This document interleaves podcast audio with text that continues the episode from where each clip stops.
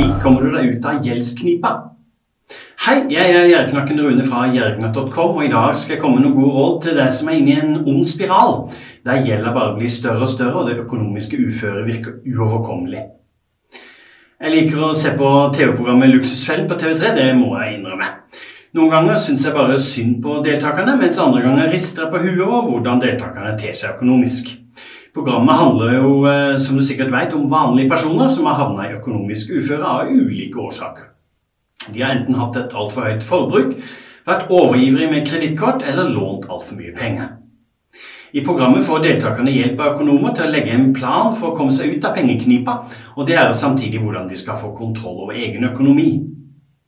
Du tenker kanskje at det er de særeste tilfellene som havner i luksusfellen, og det kan godt være. TV skal fortelle gode historier med en snert, og derfor er det nok ofte spesielle historier som formidles. Men faktum er at svært mange nordmenn allerede er gjeldsfloka, eller er på god vei inn i den. Nordmenn har rundt 70 milliarder kroner i utestående inkassogjeld.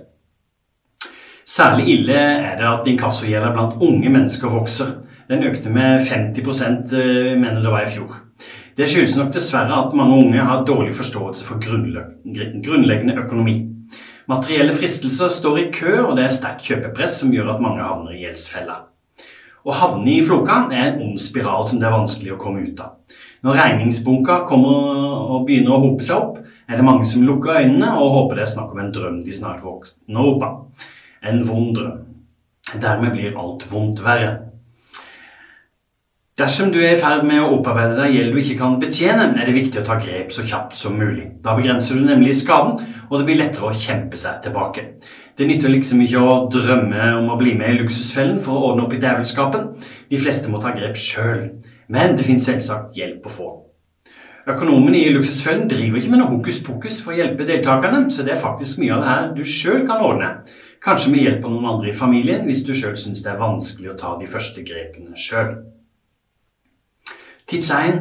Lag ditt eget budsjett. Ja, Et budsjett er en oversikt over alle planlagte inntekter og utgifter. Ikke noe verre enn det. På den måten får du bedre oversikt over hva pengene dine går til, og du kan lettere se hva du bruker mest penger på. Dette er særdeles viktig dersom du har pengeproblemer, men egentlig burde alle gjøre det der. Nordmenn er faktisk blant de dårligste i Europa til å lage budsjett. Bare ca. 26 av nordmenn setter opp budsjett, mens f.eks. 63% av danskene gjør det samme. Dersom du syns det er vanskelig å lage ditt eget budsjett, er det smart å bruke SIFO sitt referansebudsjett som en god begynnelse. Der får du en oversikt over hva som er beregna for deg å bruke, basert på kjønn og alder. Etter at du har trukket fra utgiftene fra, fra, inntektene dine, får du forhåpentligvis en restsum til års, og denne skal du selvsagt bruke til sparing eller til å nedbetale gjeld. Kanskje du ser poster som du kan stramme inn. Her gjelder det å være tøff med deg sjøl. Alle har vi poster som kan knipes inn når det er nødvendig.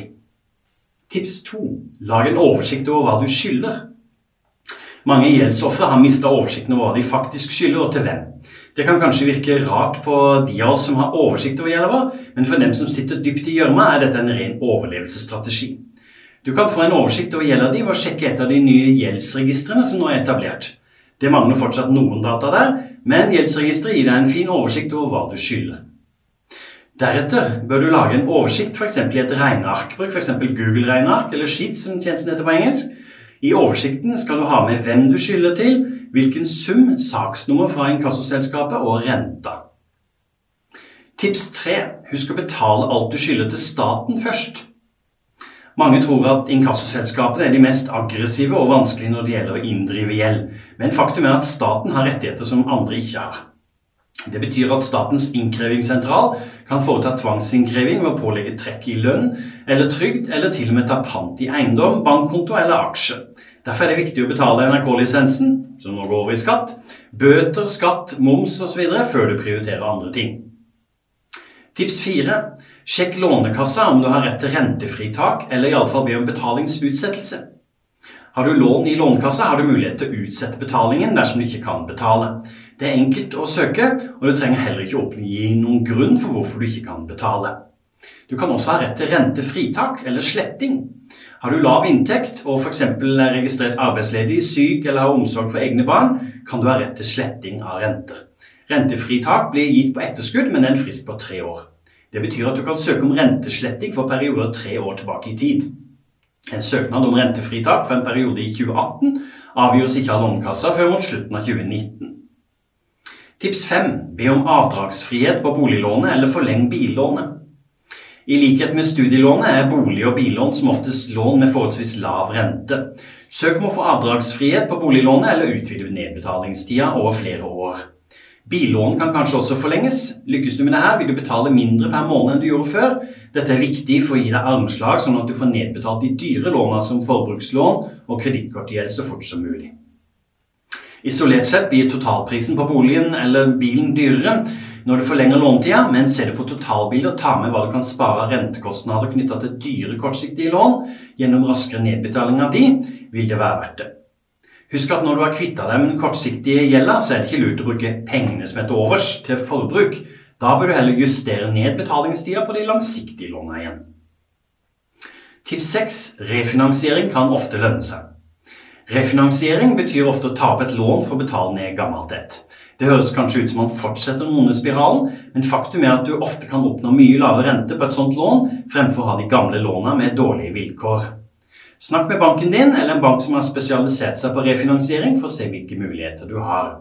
Den gunstigste refinansieringsrenta får du dersom du har eiendeler som f.eks. bolig, hytte eller en annen verdifull eiendel som sikkerhet for lånet. Refinansiering er et bra alternativ for den som har flere smålån, gjeld på kredittkort og lignende. Det kan faktisk være mulig å spare tusenvis av kroner på samlet dyr gjeld, altså med høy rente, i en refinansieringsplan som samler din gjeld til en lavere rente enn om du hadde holdt deg til dine gamle smålån og kredittkortgjeld. Bare for å ta det med en gang, det fins vel nesten ingenting som er verre enn kredittkortgjeld.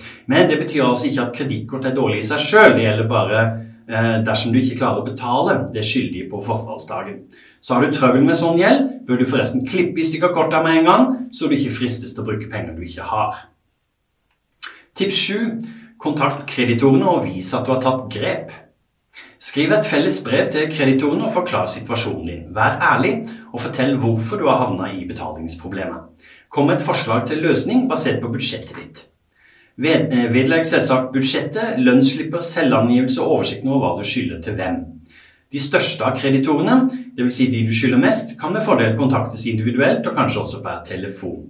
Formidle at du er seriøs med å ta tak i problemene, og at du har til hensikt å betale, og kanskje dere sammen kan komme frem til en løsning for nedbetaling som fungerer for begge parter. Tips 8. Få hjelp fra økonomikyndige og det offentlige. Dersom du føler at alt er for vanskelig for deg, og du rett og slett ikke tør gjøre mye av denne jobben sjøl, er det nok riktig å la andre hjelpe deg. Ofte plages folk med dårlig økonomi og gjeld av skyldfølelse og skam, og dermed har de også problemer med å be om hjelp. Men sitter du i gjeldsfloka, trenger du vel hjelp til å komme deg ut av den. Da er det på tide å be om hjelp. I første omgang kan du ta kontakt med en person i din nære omgangskrets som du kan betro deg til, og som kanskje er økonomisk kyndig nok til å hjelpe deg.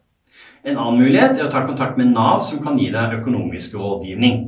Du kan starte med å ringe 55 55 33 39, og dersom du ønsker det, kan du være helt anonym der. Folka der har kompetanse på det du trenger, eller de veit hvem du må kontakte for å komme videre med løsningen som passer for deg. Alle kommuner skal ha tilbud om økonomisk rådgivning til innbyggerne sine. En sånn rådgiver kan hjelpe deg med å skrive søknader om betalingsutsettelse, eller f.eks. søke om gjeldsordning. Tips 9. Vurder om gjeldsordning er noe for deg. Hvis du er helt ute av stand til å betjene gjelda di, kan du søke om gjeldsordning. Du kan få gjeldsordning uavhengig av bakgrunn for problemene dine, og det er heller ikke noe minimumskrav til inntekt eller gjeld. Gjeldsordning betyr at det avtales med kreditorene at skyldneren skal betale så mye som mulig av gjelda i en tidsperiode, vanligvis fem år. Etter det vil skyldneren vanligvis være gjeldfri. I dagligtale vil det si å gå personlig konkurs. Forhåpentligvis er det mulig for deg å unngå gjeldsordning. Det har mange konsekvenser som ikke er til din fordel. Derfor er det viktig å forsøke andre løsninger. Takk for meg. Dersom du likte dette innlegget, håper du har lyst til å ta en titt på nettsida mi, gjerrigknapp.com, og ellers følg meg på sosiale medier som YouTube, Facebook, Snapchat og Instagram.